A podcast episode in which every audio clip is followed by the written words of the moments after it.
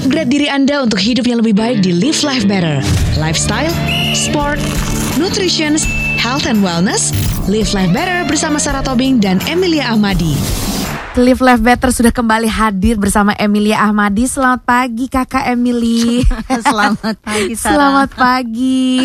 Hari ini kita akan membahas tentang tiga prinsip mengenai olahraga. Hmm. Kenapa harus tiga sih? Emang ada spesifikasi tertentu? It's a magic number. Oh iya? Jadi gimana nih? Ada Katanya apa kan- dengan tiga Katanya ini? three times the charm. Oh, oke. Oke. Oke deh.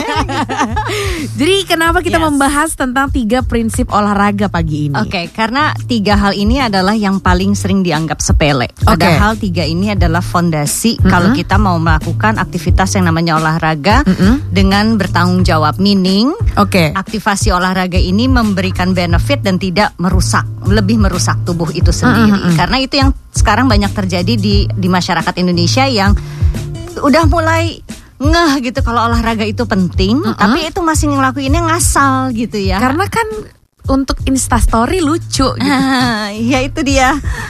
Oh, kaget sampai kaget. Oke oke oke. Yes, itu dia. Jadi em, kebanyakan memang ma- masyarakat kita masih menggunakan olahraga sebagai satu opportunity ya untuk exist, Untuk bersosialisasi. Ah, but not untuk I want to be healthy. Oke. So kenapa topiknya jadinya tiga prinsip itu? Soalnya saya ingin membawa mereka yang tadinya olahraga untuk sekedar fasad uh, agar terlihat trendy dan lain sebagainya mulai bergeser sedikit menjadi oh iya olahraga it makes me feel good. It make me look better. I Oke. like it gitu ya. Jadi itu. So tiga prinsipal ini adalah yang paling sering di- dilupakan paling sering disepelekan tapi this is the one that's going to save you. Wah, sebelum kita eh, into detail banget nih mengenai tiga prinsip olahraga ini, kalau menurut Emily, ya. ketika kita tidak melakukan si tiga sekawan ini, apa yang akan menjadi worst case scenario untuk orang-orang yang baru mengerti mengenai olahraga? you die Wow, chill, Chill. Masih dua menit awal nih bun. Oke. Jadi separah itu ya? Separah itu, separah Oke. itu. Dan kalau nanti kita akan, saya akan coba uraikan uh, pelan-pelan why this is important. Kenapa tiga hal ini harus dilakukan dan masing-masing aspek itu pentingnya di mana dan seberapa berbahayanya kalau kita tidak lakukan. Nice. Live life better.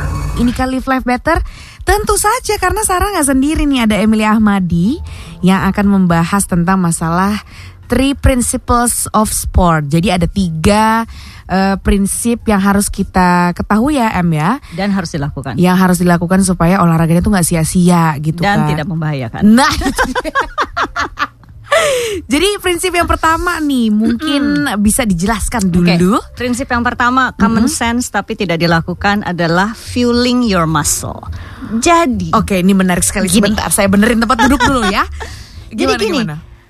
kan logika ya kalau kita mau balapan mobil nih gitu ya eh, yang pertama mesinnya udah benar bensinnya juga harus benar kan ya? Lo nggak bisa ya mau balapan mobil beli bensin pinggir jalan. That's common sense. It is common sense tapi itu nggak dilakukan kan? Bener. Oke so Oke oke oke. katanya manusia itu pintar sekali. Cuman dalam hal me- menjaga dirinya manusia itu bodoh sekali. Oke? Oke. so fuel your muscle. Kalau kita bicara fuel muscle nah ini konteks olahraga ini yang harus dirubah dulu dari awal. Kan saya saya selalu bilang eh, kalau olahraga itu adalah sesuatu yang kita harus rutin lakukan. Oke. karena tubuh manusia itu kan siklus ya, siklus 24 jam yang dilakukan terus-menerus dan sebaiknya selalu sama dan konsisten. Baik. Nah, kalau kita bicara bicara fueling your muscle, fuel nomor satunya muscle kita tuh apa sih? Karbohidrat. I mean, come on, guys, stop stop baca headline di di Instagram, stop baca tulisan populer dan mulai uh, berpikir bahwa itu adalah jurnal dan informasi yang sah dan benar adanya. Enggak, Padahal cuma baca di internet aja Exactly. kan. Gini, uh, uh, karbohidrat is the number one fueling yang dibutuhkan oleh otot kita. Oh, bukan protein. No no, protein is building block. Two different things. Protein nanti kalau kita habis olahraga, kita olahraganya rutin, kita olahraganya keras, muscle kita sakit, kemudian ada muscle yang mungkin rusak. Untuk perbaikan protein is the man. Oke. Tapi itu nanti gitu. Sebelum oke. itu kita harus bicara mengenai energinya dulu nih. Mm-mm. Kulinya ada nggak? Batu batanya mah udah siap. Oh kulinya harus kita panggil nih karbo, karbo Exa- gitu kan? exactly. Oke. That is energy source. Jadi kalau kita olahraganya pagi nih Ha-ha. misalnya. Misalnya gini, em gue olahraganya jam 5 pagi nih Nggak mungkin dong kan gue bangun jam setengah 4 untuk makan, untuk refueling So what do I do dengan refueling? Ya malam sebelumnya Oh bisa begitu. Obviously bisa karena tubuh kita kan sel- selalu bekerja 24 jam ingat loh siklusnya dan Oke. itu yang akan dilakukan terus menerus. Jadi kalau kita konsisten setiap pagi memang olahraganya jam 5 pagi, Mm-mm. refuelingnya kita adalah malam sebelumnya. Oke. Which is makan malam dan mungkin meng- mengkonsumsi sesuatu sebelum tidur. Sehingga pada saat kita bangun itu glikogen, glikogen itu adalah uh, mata uang yang digunakan oleh otot kita. Jadi karbohidrat kita makan Ha-ha. dicerna, Ha-ha. dirubah jadi glikogen untuk dimasukin di storage di otot kita. Oh. Oke, that's the currency of energy yang digunakan oleh otot kita. Jadi Oke. glikogennya ready untuk pagi-pagi kita mau mulai whatever Olahraga. olahraga. yang kita lakukan, mau lari, whatever it is, mau Ha-ha. lari, mau main karet, main karet. Skipping bun. skipping, oh iya, Jam- Iya, main- main karet emang zaman nyokap gue juga. exactly zaman gue gitu. so uh, apa pun bentuk olahraganya jadi glikogennya it's ready nah tapi memang sekali lagi kita harus tarik benang merahnya lagi nih karbohidrat yang seperti apa obviously gue nggak ngomong Nasi uh, goreng kambing uh, gitu. Exactly, that's not it gitu ya. Karbohidratnya seperti apa? Mm-mm. Makan malam sih lengkap, ada protein, ada karbohidrat, ada buah, ada sayur dan lain sebagainya. Basic. Uh, malam uh, tidur sebelum tidur kalau kita mau mengkonsumsi sesuatu kita harus pilih karbohidrat yang bagus. Misalnya nih, aduh gue lapar nih jam 11 tadi gue makan jam 7. Boleh nggak ya gue makan? Boleh. Which is kalau gue nih selalu either cari buah potong, Oke. either pepaya, mau makan pisang, kalau ada apel uh, pakai peanut butter atau kalau mau Indonesia banget gitu ya, ya udah gitu pepaya, uh, pisang, uh, kemudian even kolak aja it can be. Oh ya? Tapi ma- masalahnya standar kolaknya orang Indonesia tuh manis banget. Belajar bikin kolak yang gulanya nggak setengah kilo sendiri untuk untuk kolak yang cuma satu mangkok gitu ya. Nah, Ah. belajar bikin kolak yang Hah? kandungan gulanya kita atur, tapi ada ubinya, ada ada Pisangnya, pisangnya, aduh, kemudian itu. santannya jangan terlalu banyak. Kalau gue sih sebetulnya I don't use santan anymore, Oke. tapi gue pakai susu gitu ya. So that is another refueling sebelum kita tidur untuk exercise besok pagi. Oke. So something that simple atau makan yogurt dengan granola. That's also a good a good Nice, option. oke, granola, ya. Atau mak- whatever gitu. Tapi jangan ada kue lupis sisa semalam atau sisa kemarin. Ada kue brownies sisa adek tadi pagi nggak habis dari whatever Ada kue ulang tahun nih sisa tetangga masih dibagi-bagiin. lumpia goreng Lumpia goreng. Oh my god, enak banget. That's not it gitu ya. So refueling itu bisa dilakukan even kalau untuk olahraganya pagi banget di malam sebelumnya. Atau kalau misalnya kita olahraganya eh gue olahraga jam 7 sih, gue bangun jam 5 abis sholat gue nggak nggak tidur lagi misalnya. Jadi masih ada waktu nih untuk gue refueling pada pagi sebelumnya. Good. Oke. Makanan yang seperti apa tergantung berapa banyak waktunya. Artinya gini, kalau gue latihannya jam 7, gue masih ada jeda 2 jam, gue bisa makan breakfast full breakfast. Oh, Jadi oke. ada roti, ada telur, ada ada jus, ada jus, ada minum susu, whatever it is. Boleh lengkap. Tapi kalau misalnya aduh 45 menit nih, gue cuma punya waktu 45 menit sebelum gue olahraga. What do I eat? Something that is less complicated, tapi yang lebih simple supaya perut cernanya cepet. Oke. Oke, karena kita kan nggak mau ada makanan banyak di dalam perut, terus kita latihan atau kita lari, kita sepeda, kenapa ntar muntah loh? Muntah bun, bener. Kenapa? Karena memang perutnya jadinya nggak akan nggak akan bisa melakukan proses pencernaan dengan benar. Kenapa? Oke. Karena semua darah alirannya ke mana? Ya ke kaki, ke tangan, di mana aktivitas fisik itu sedang dilakukan. So we don't want that. Jadi yang simple tuh apa? Smoothies. My favorite smoothies adalah satu box uh, susu low fat uh, dengan satu pisang, satu sendok makan peanut butter, gua blender. That is perfect. Jadi, ya. 45 minutes refueling untuk kita olahraga. Nice. Kita ngomong otot supaya otot punya energi. Nah ini ini ini ini aku juga tertarik Ya kan? dengan si otot ini. Jadi gimana gimana exactly. Nah, kita mikirnya adalah oke, gue perlu makan refueling supaya otot gue punya energi supaya tangan gue bisa ngangkat biar kaki gue bisa larinya lebih cepat supaya nggak kram dan lain sebagainya. Satu hal yang kita lupa, jantung kita juga otot ya. gimana? Aduh, Benar, benar. Tadi kan benar. kamu bilang kalau kita nggak melakukan tiga prinsipal ini, what is the worst thing that can happen to you? What do I say? I said you die. Eh, Kenapa? Karena again jantung itu juga kan ototnya perlu dikasih Betul. makan. Mm-mm. So kita pusing dan khawatir dengan keram di kaki, di tangan dan lain sebagainya, tapi nggak ada seorang pun di dunia ini yang pusing dengan si jantung. keramnya di jantung. Kasihan banget jantung itu ya kalau udah ngambek aja tuh jantung kan. Exactly, it stop. Oke. Oke, kenapa? Karena ya, ya I don't have energy. Gue disuruh kerja memompa darah sekenceng-kencengnya karena lu nggak pakai otak olahraganya gitu ya. Tiba-tiba ngebut gitu kan. gue harus pompa darah, and yet lu nggak kasih gue energi, lu nggak kasih gue bahan bakar. Ya Oke. kalau bahan bakarnya kemudian empty, there's no glycogen di otot jantung. Iya, jantungnya berhentilah kerjanya. And what happen is, ya you die gitu. So that's why fueling your muscle adalah prinsip pertama yang paling penting yang kita harus pikirkan sebelum kita melakukan apa-apa, especially olahraga. Oke, jadi ketika sudah dilakukan nih hal pertamanya, sudah makan, Ya. sudah minum, itu baru kita ke langkah selanjutnya yaitu apa M prinsip yang kedua? Prinsip yang kedua adalah recovery. Recovery. Habis yang satu ini dulu ya. Live life better. Tadi kita sudah ngebahas sedikit tentang eh, prinsip yang pertama yaitu Fuel your muscle. fuel your muscle. Jadi apa yang harus kita kasih ke otot kita supaya lebih lebih ready ya untuk dipergunakan. Yes. Kalau sudah dilakukan semuanya, step yang harus kita perhatikan selanjutnya itu apa? Em? Prinsip kedua Apa adalah recovery. Oke, recovery. Which is make sense lagi gitu. Kalau itu mobil udah dipakai balapan, kan harus masuk pit stop. Benar. Iya kan, dicek lagi ini itu ini itunya. Again, it's common sense tapi somehow nggak dilakukan. Karena males. Karena orang berpikir ah kan cukup ud- kan udah selesai olahraga, gue makan, gue tidur, udah beres gitu. Well, I guess kalau olahraganya cuman uh, jalan pagi, that's okay gitu ya. Oke. Kalau olahraganya jogging-jogging berbahagia, berhadiah, oke, that's okay. Tapi kalau misalnya larinya enggak, gue tadi lari uh, 60-75 menit, 10 kilo misalnya gitu ya, atau riding my bike uh, for the next one hour sekian uh, puluh kilometer, that's not enough.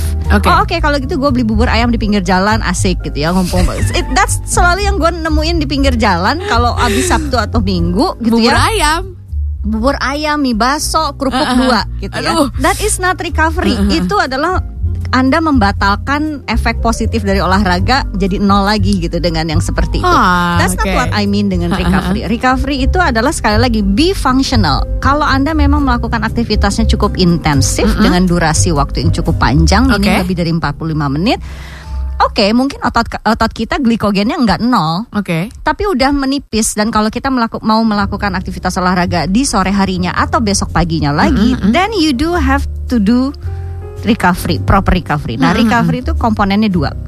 Kalau fuel your muscle itu komponennya cuma satu, mostly adalah karbohidrat. Dan dalam hal ini karbohidrat itu ditemani dengan serat ya, which is karbohidrat juga gitu. Oke. Kalau untuk recovery dua, karbohidrat dan protein yang tadi kita mention. Oh, Oh, bukannya protein. Kalau untuk fueling, no. Protein dikonsumsi sesudah. Nah, kalau saya bilang sesudah dan recovery, it's within 45 minutes kita berhenti melakukan aktivitas olahraga. Jadi bukan, oke, gue pulang mandi dulu, nonton net apa dulu, gitu, and then baru makan. No, no. What I say when it's recovery time, it's within 45 minutes kita selesai melakukan aktivitas. Kalau lebih dari itu, Uh, golden ininya Oh, opportunity-nya hilang. time. Exactly. Oke. Itu di mana gini. Jadi within 45 minutes pada saat kita selesai melakukan olahraga, kalau kita memasukkan karbohidrat dengan protein, what happen is badan kita akan mengabsorb karbohidrat yang barusan kita konsumsi dengan sangat efektif kemudian dirubah menjadi glikogen dikembalikan ke otot untuk aktivitas berikutnya. keren, Oke, keren, keren. itu Oke. yang kita mau. Yang kedua adalah within 45 minutes kita juga akan mengolah protein, kemudian diabsorb di dalam otot, kemudian digunakan untuk memperbaiki kerusakan yang terjadi pada saat kita melakukan aktivitas olahraga dengan sangat efisien. Oke. So that is why the jendela 45 minutes. Ak- gue kalau handle my my own athletes. Um, Pertama adalah sebelum mereka masuk ke lapangan untuk latihan yang gue tanya adalah lu bawa recovery nggak? Lu bawa susu lo nggak? Ada ubi nggak? Kalau nggak ada lu nggak usah latihan ya. That's how important recovery is. Karena kalau recovery nggak diperhatikan dan itu dilakukan setiap hari, what happen is kita membuka jendela untuk cedera. Oke. And you don't want to be cedera. Cedera. Baik. right ah, Uh, dengan hal yang seperti ini dan itu yang harus kita lakukan so that's why 45 minutes Uh, kalau saya saya waktu di waktu di US I'm handling uh, my NCAA team Mm-hmm. gitu ya Oke. tim basket saya kalau habis latihan dia nggak akan keluar dari lapangan sebelum dia mengkonsumsi apa pun recovery formula yang saya siapin. Jadi misalnya ada ada 15 orang tim basket saya. I'm going to prepare 15 paket the drinks, the the, the liquid, uh, the solid, the tablet yang harus dikonsumsi sebelum anak-anak ini masuk ke ruang ganti mandi dan kuliah. Oh. Well, that's how it is. That's how Oke, oke. recovery is. Fokusnya dengan karbohidrat, dengan protein. Contohnya apa? Berapa banyak karbohidrat sih? Nggak usah banyak-banyak banget gitu ya. 150 sampai 300 kalori worth of makanan, that's enough gitu ya. It can be as simple as egg sandwich misalnya. Oke. Gua bawa dari rumah yang paling gampang roti gandum, gua kasih uh, lettuce sedikit, uh, kasih selada sedikit, kasih tomat sedikit, uh, dikasih telur dadar, kemudian that is a perfect recovery. Simple, perfect.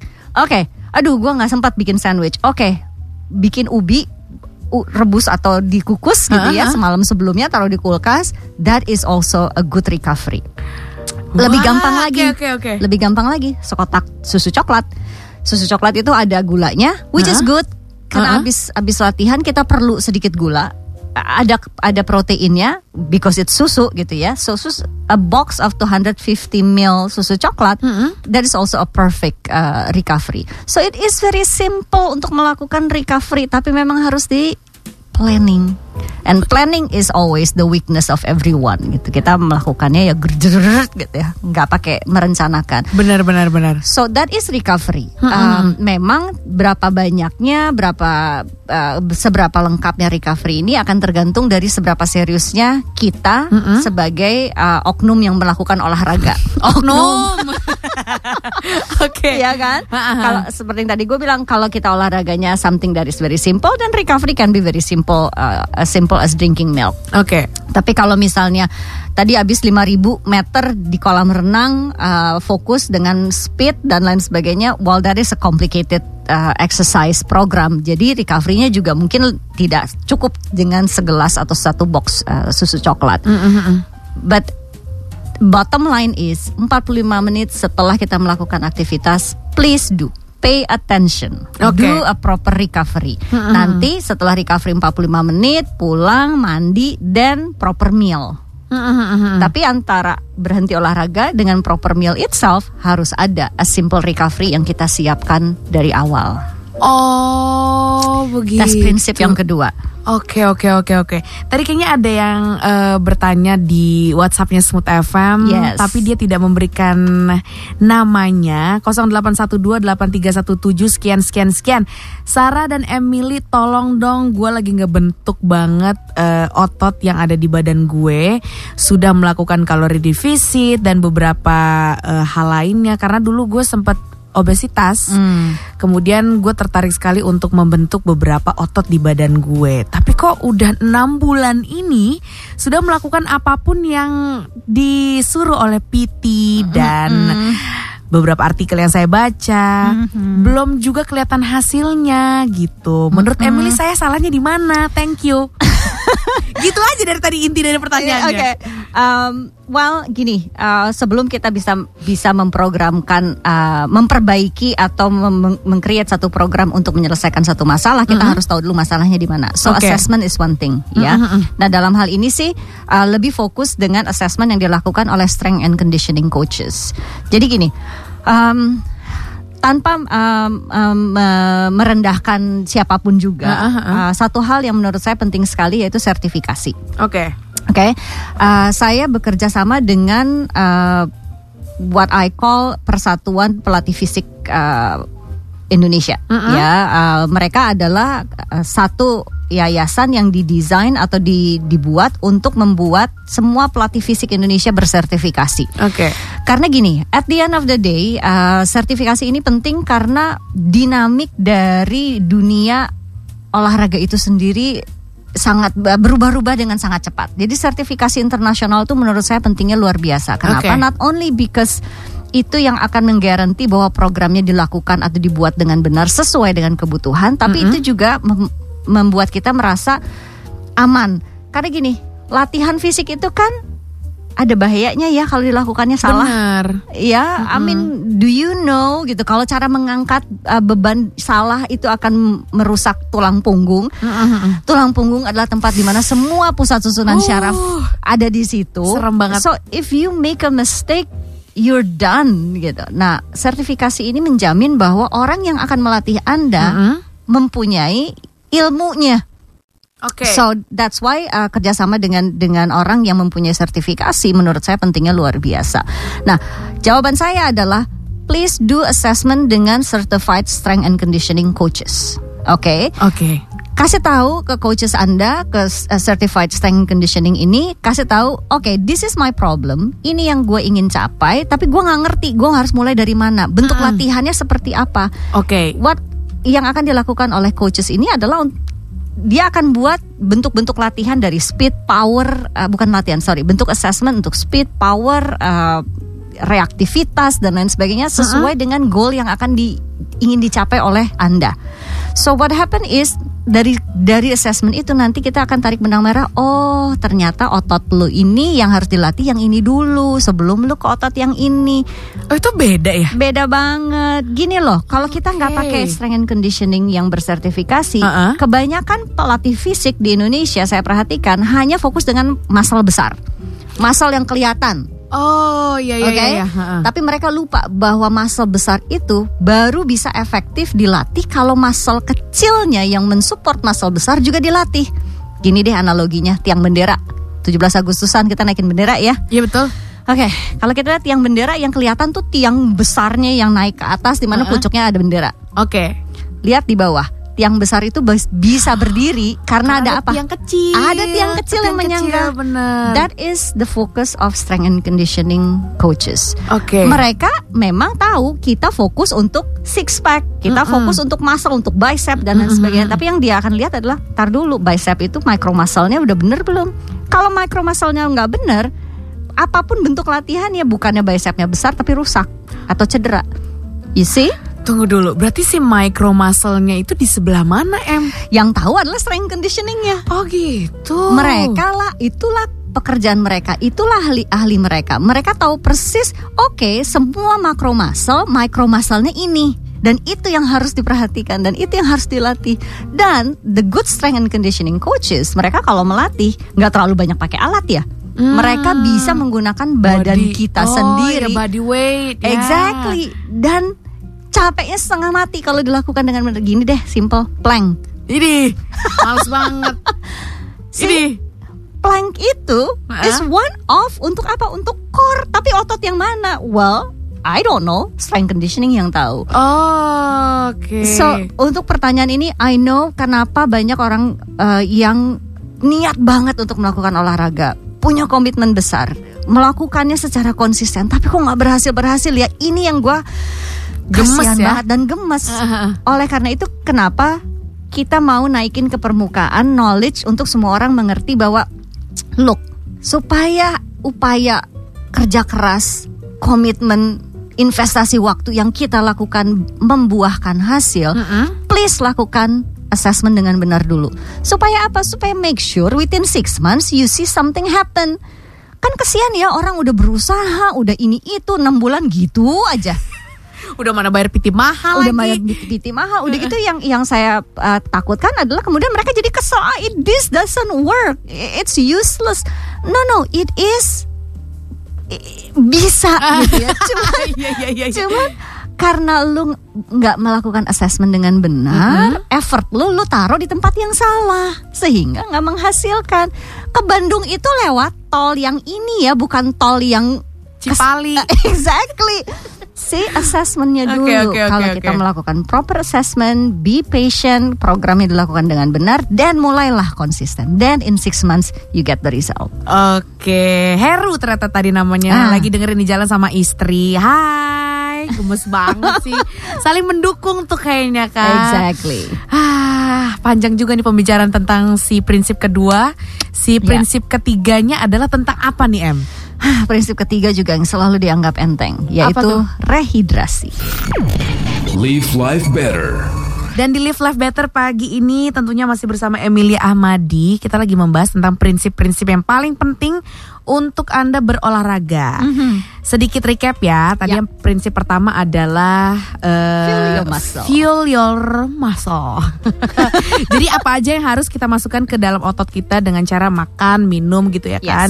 Persiapannya seperti apa. Kemudian yang kedua adalah recovery. Jadi recovery itu ternyata penting banget, Bo. Siapa dulu pas SD senam SKJ pas bagian cooling down lu cabut duluan. itu penting loh ternyata. Nah, yang ketiga ini adalah satu hal yang paling sering dilupakan dan diremehkan. Minum air putih. Emang Ya. sepenting apa sih, Em? Oke, gini, kalau kita bicara mengenai eh, kan tiga prinsip ya, yang kalau nggak dilakukan kita mati gitu ya. Oke. Eh, I put the the most important the last. Oke. Oh, oh, wow. Jadi oke. gini, gini deh, lu boleh nggak ngelakuin yang pertama, yang kedua silahkan. Heeh. Tapi jangan nggak pernah ngelakuin yang ketiga. Oke, gue tuh selalu ngomong gini. Yes, I'm talking about nutrition. Nutrition itu biasanya orang konteksnya adalah apa yang lu makan, makan A, B, C. Heeh. Lupakan makan kalau lu nggak minum, matinya lebih cepat lagi. Oke. Right? Oke. So the number three which is rehidrasi itu pentingnya luar biasa. Sekarang gini, 70% tubuh kita itu air, Heeh. oke? 70% 60 sampai 70% otot kita itu air. Serius? Serius. Oke. Oke, it looks solid? Ah, ah, otot, but mostly adalah air. It's cairan. Oke, kalau kalau lu nggak minum, the number one thing yang akan terjadi adalah otot lu dulu yang lu sacrifice gitu. Jadi gini, kalau konteksnya mengenai minum, eh, banyak orang nanya, yang lu maksud minum tuh apa sih em? Minum air kah? Minum isotonik kah? Apa gitu ya? Payung besarnya rehidrasi adalah including makan sebetulnya. Jadi kalau kita makan buah ada air di dalamnya. That is included. Jadi yes, payung besar dari rehidrasi itu termasuk apa yang kita konsumsi. Jadi Oke. buah dan sayuran itu pentingnya luar biasa karena konteksnya di dalamnya cukup banyak uh, air yang ada di dalamnya. Betul. Um, isotonik yes itu juga termasuk. Oke, uh, I'm talking about isotonik yang yang digunakan proper untuk mereka yang melakukan aktivitas olahraga cukup panjang dan berkeringat. Yes, pada dasarnya kalau kita olahraganya cuman uh, senam pagi uh, yang tidak terlalu berkeringat, uh, mungkin isotonik uh, tidak terlalu kritikal. Kita Oke. konsumsi air aja gitu ya. Tapi kalau kita melakukan olahraganya seperti apa? Lari, uh, sepeda, aerobik, uh, yoga, power yoga, pilates yang bercucuran keringatnya lebih dari 45 sampai 60 menit dan isotonik is a good idea. Oh. Karena kita harus mengembalikan si uh, electrolyte yang hilang melalui keringat yang yang keluar berlebihan. Kita tinggal di kota Jakarta. Nggak usah ngomong Jakarta deh, diperluas di Indonesia, negara tropis, humid, kita berkeringat. Enggak, gue latihannya di dalam ruangan kok, ber AC nggak ruangannya? Kalau ruangannya ber AC, eh lihat tuh di, di luar AC ngeluarin air ya. Ya kan kalau kita lihat air, Iya eh, iya iya. Wow, where those air coming from? Kalau bukan dari napasnya kita dan lain sebagainya. So yes, kita Oke. dehidrasi kayak orang gila, cuman kita nggak sadar. Gini, ini yang yang gue tuh sampai pusing nggak dan nggak dilakukan oleh.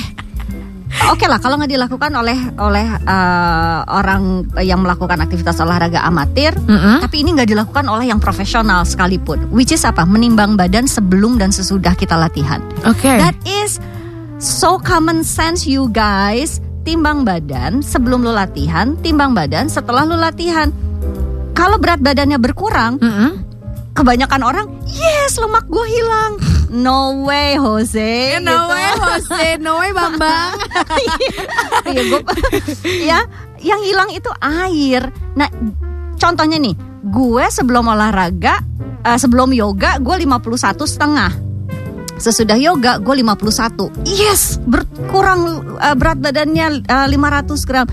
No no, itu cairan elu, air elu yang hilang 500 gram, yang lo harus minum balik. Ha, ha. Jadi kenapa kita menimbang sebelum dan sesudah? Supaya kita tahu sweating rate kita tuh berapa rate kita berkeringat Harus minum apa. berapa banyak juga. Exactly, karena orang beda-beda dan itu Oke. yang harus dikembalikan ya. Jadi setiap kali kalau kita mau latihan dan please if anyone out there yang melakukan olahraga dengan lebih serius, naik sepeda, lari, oh whatever lah gitu ya. Anda lagi latih eh, lagi berlatih untuk eh, satu bentuk kompetisi atau mungkin Anda seorang atlet nasional, please do this.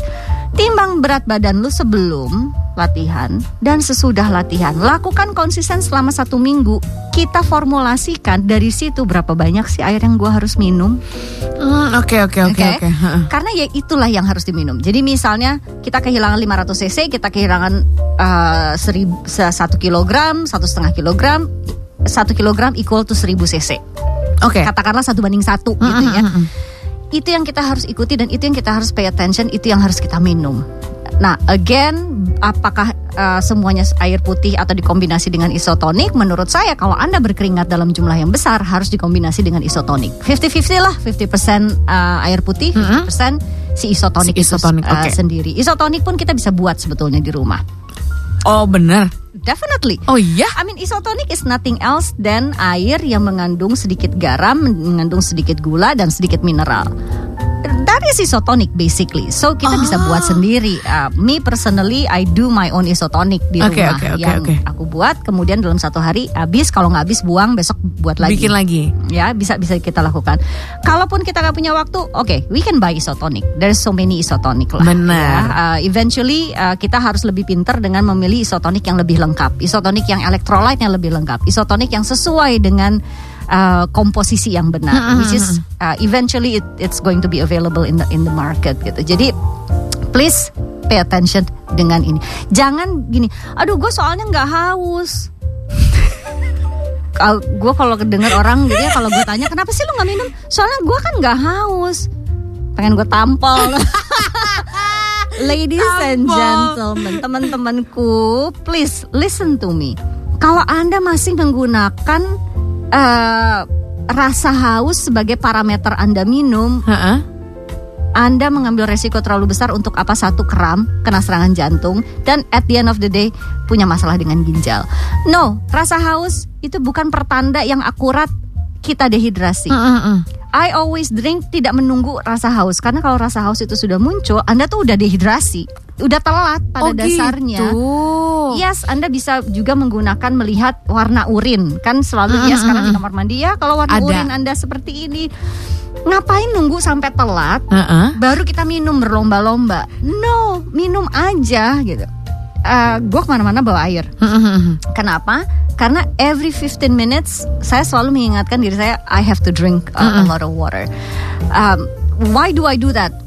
30 tahun yang lalu waktu gua kuliah, I do have kidney problem. Gua tuh dilahirkan dengan ginjal yang memang not 100% functioning properly. Oke. Profesor gue waktu gua kuliah Mm-mm. masih gue pager. Zaman dulu masih pakai pager, Pager, ya. ya ampun. Right? Bener-bener bener pager. pager yang dia selalu bilang gini, eh M, I will ring your pager. Setiap kali gua ring lu uh, pager itu, Minum. minum. Lu cari water fountain di mana aja. Lu haus nggak haus? I don't care dia bilang. Lu lu harus minum. Mau minum satu teguk kayak dua teguk kayak whatever. Tapi setahun gue dipagerin setiap setengah jam. Setahun. Dari jam 6 pagi sampai jam 8 malam. Automatically aja tuh pager nyala. So when it buzz, I know I have to drink gitu. Sampai ke- kemudian terdevelop lah kebiasaan. Nah sekarang di mana-mana lu ketemu gue, lu gue pasti bawa air botol gitu. Dan gue selalu minum. Bener. Nah, orang bilang tapi kan sekarang lu tuh udah tua. Kalau lu minumnya sering, ntar lu pipisnya sering deh. Well, you know what? Kalau anda masih bisa pipis sering, be thankful ya. Karena gue banyak menghandle orang yang punya masalah dengan gagal ginjal, yang mau pipis aja susahnya setengah mati. Oh iya. Dan at the end of the day, lu akan akan menyesal gitu ya. Aduh. Come on, yes, iya. Speechless. kalau lu minum pasti lu pipis, but but but be thankful that it still function like that. Bener lagian kalau misalnya eh, hidup di zaman sekarang apalagi di Jakarta dengan lifestyle yang begitu bobrok akan apalagi exactly. umur-umur saran nih kan 25, 26, 27. lagi nakal-nakalnya. Ma gue denger nih Iya, biarin. 252627 tuh kan setiap weekend kita ngapain Exactly. Lupa ya namanya minum terus jam 12 siang besok Kepala gue sakit banget gue kenapa ya Nyut-nyutan. Itu gara-gara kurang minum Exactly. Sekarang gini, rasa sakit kepala itu adalah uh, gejala awal yang akan muncul ke permukaan yang badan kita mengatakan, aduh lu tuh belum minum. Kenapa? Karena pusat susunan syaraf kita itu 80% air ya. Kalau begitu airnya nggak ada, kita dehidrasi, otak kita agak sedikit menciut, itu akan mengcreate sakit kepala yang pounding headaches namanya. Menciut si otak kita ini Of course. Oh my god so sorry ma- my brand Udah kecil, Ah, ah. udah dikit Menciut Ah, ah. lagi. Pantesan gue lemot. ya jadi kalau banyak orang yang lagi marah-marah gitu ya kasih air. Minum, minum dulu mas. Anda emosi karena dehidrasi Oh, sebetulnya gitu jadi ya. otaknya nggak bekerja gitu ya. Aduh. So yes prinsip yang ketiga adalah rehidrasi. Be kind. Berapa banyak sih air yang harus lu minum? Rule of thumbs berat badan lo dibagi 30 Mm-mm. dalam liter jadi misalnya gue 60 kilo bagi dengan 32 artinya 2 liter minimum air yang harus lu minum Oh Oke, oke oke oke itu rule oke. of thumb saja gitu ya. Jadi berat badan dibagi dengan angka 30, angka itu dalam liter itu yang harus Anda minum minimum. Artinya apa? Ya minimum. Nggak boleh kurang dari itu. Lebih dari itu boleh sesuai dengan aktivitas fisik. Oke Again rule of thumb setiap kali Anda berolahraga 30 menit, Mm-mm. berkeringat 250 cc air harus masuk.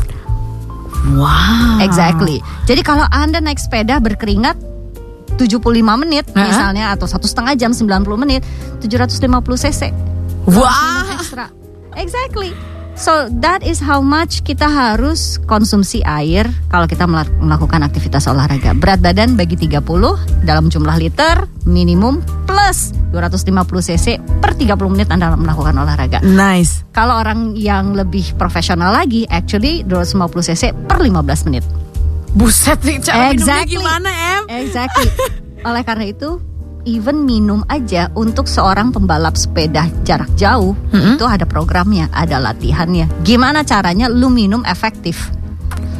Ada Oh my god ada tutorial cara minum coba Oh my god Gak kerasa banget udah jam 9 lewat sedikit Oh my Aduh. goodness. Terima kasih Emily dengan segala informasi yang telah dikau berikan. Semoga bermanfaat untuk Anda semua yang sekarang lagi ada di jalan, di kantor, udah mulai ngantuk minum air putih sekarang Yes. juga. Jangan sampai menyesal di kemudian hari. Kita ketemu lagi minggu depan di Live Life Better bersama Emilia Ahmadi. Thank you ya Em. Live your life better with Smooth FM.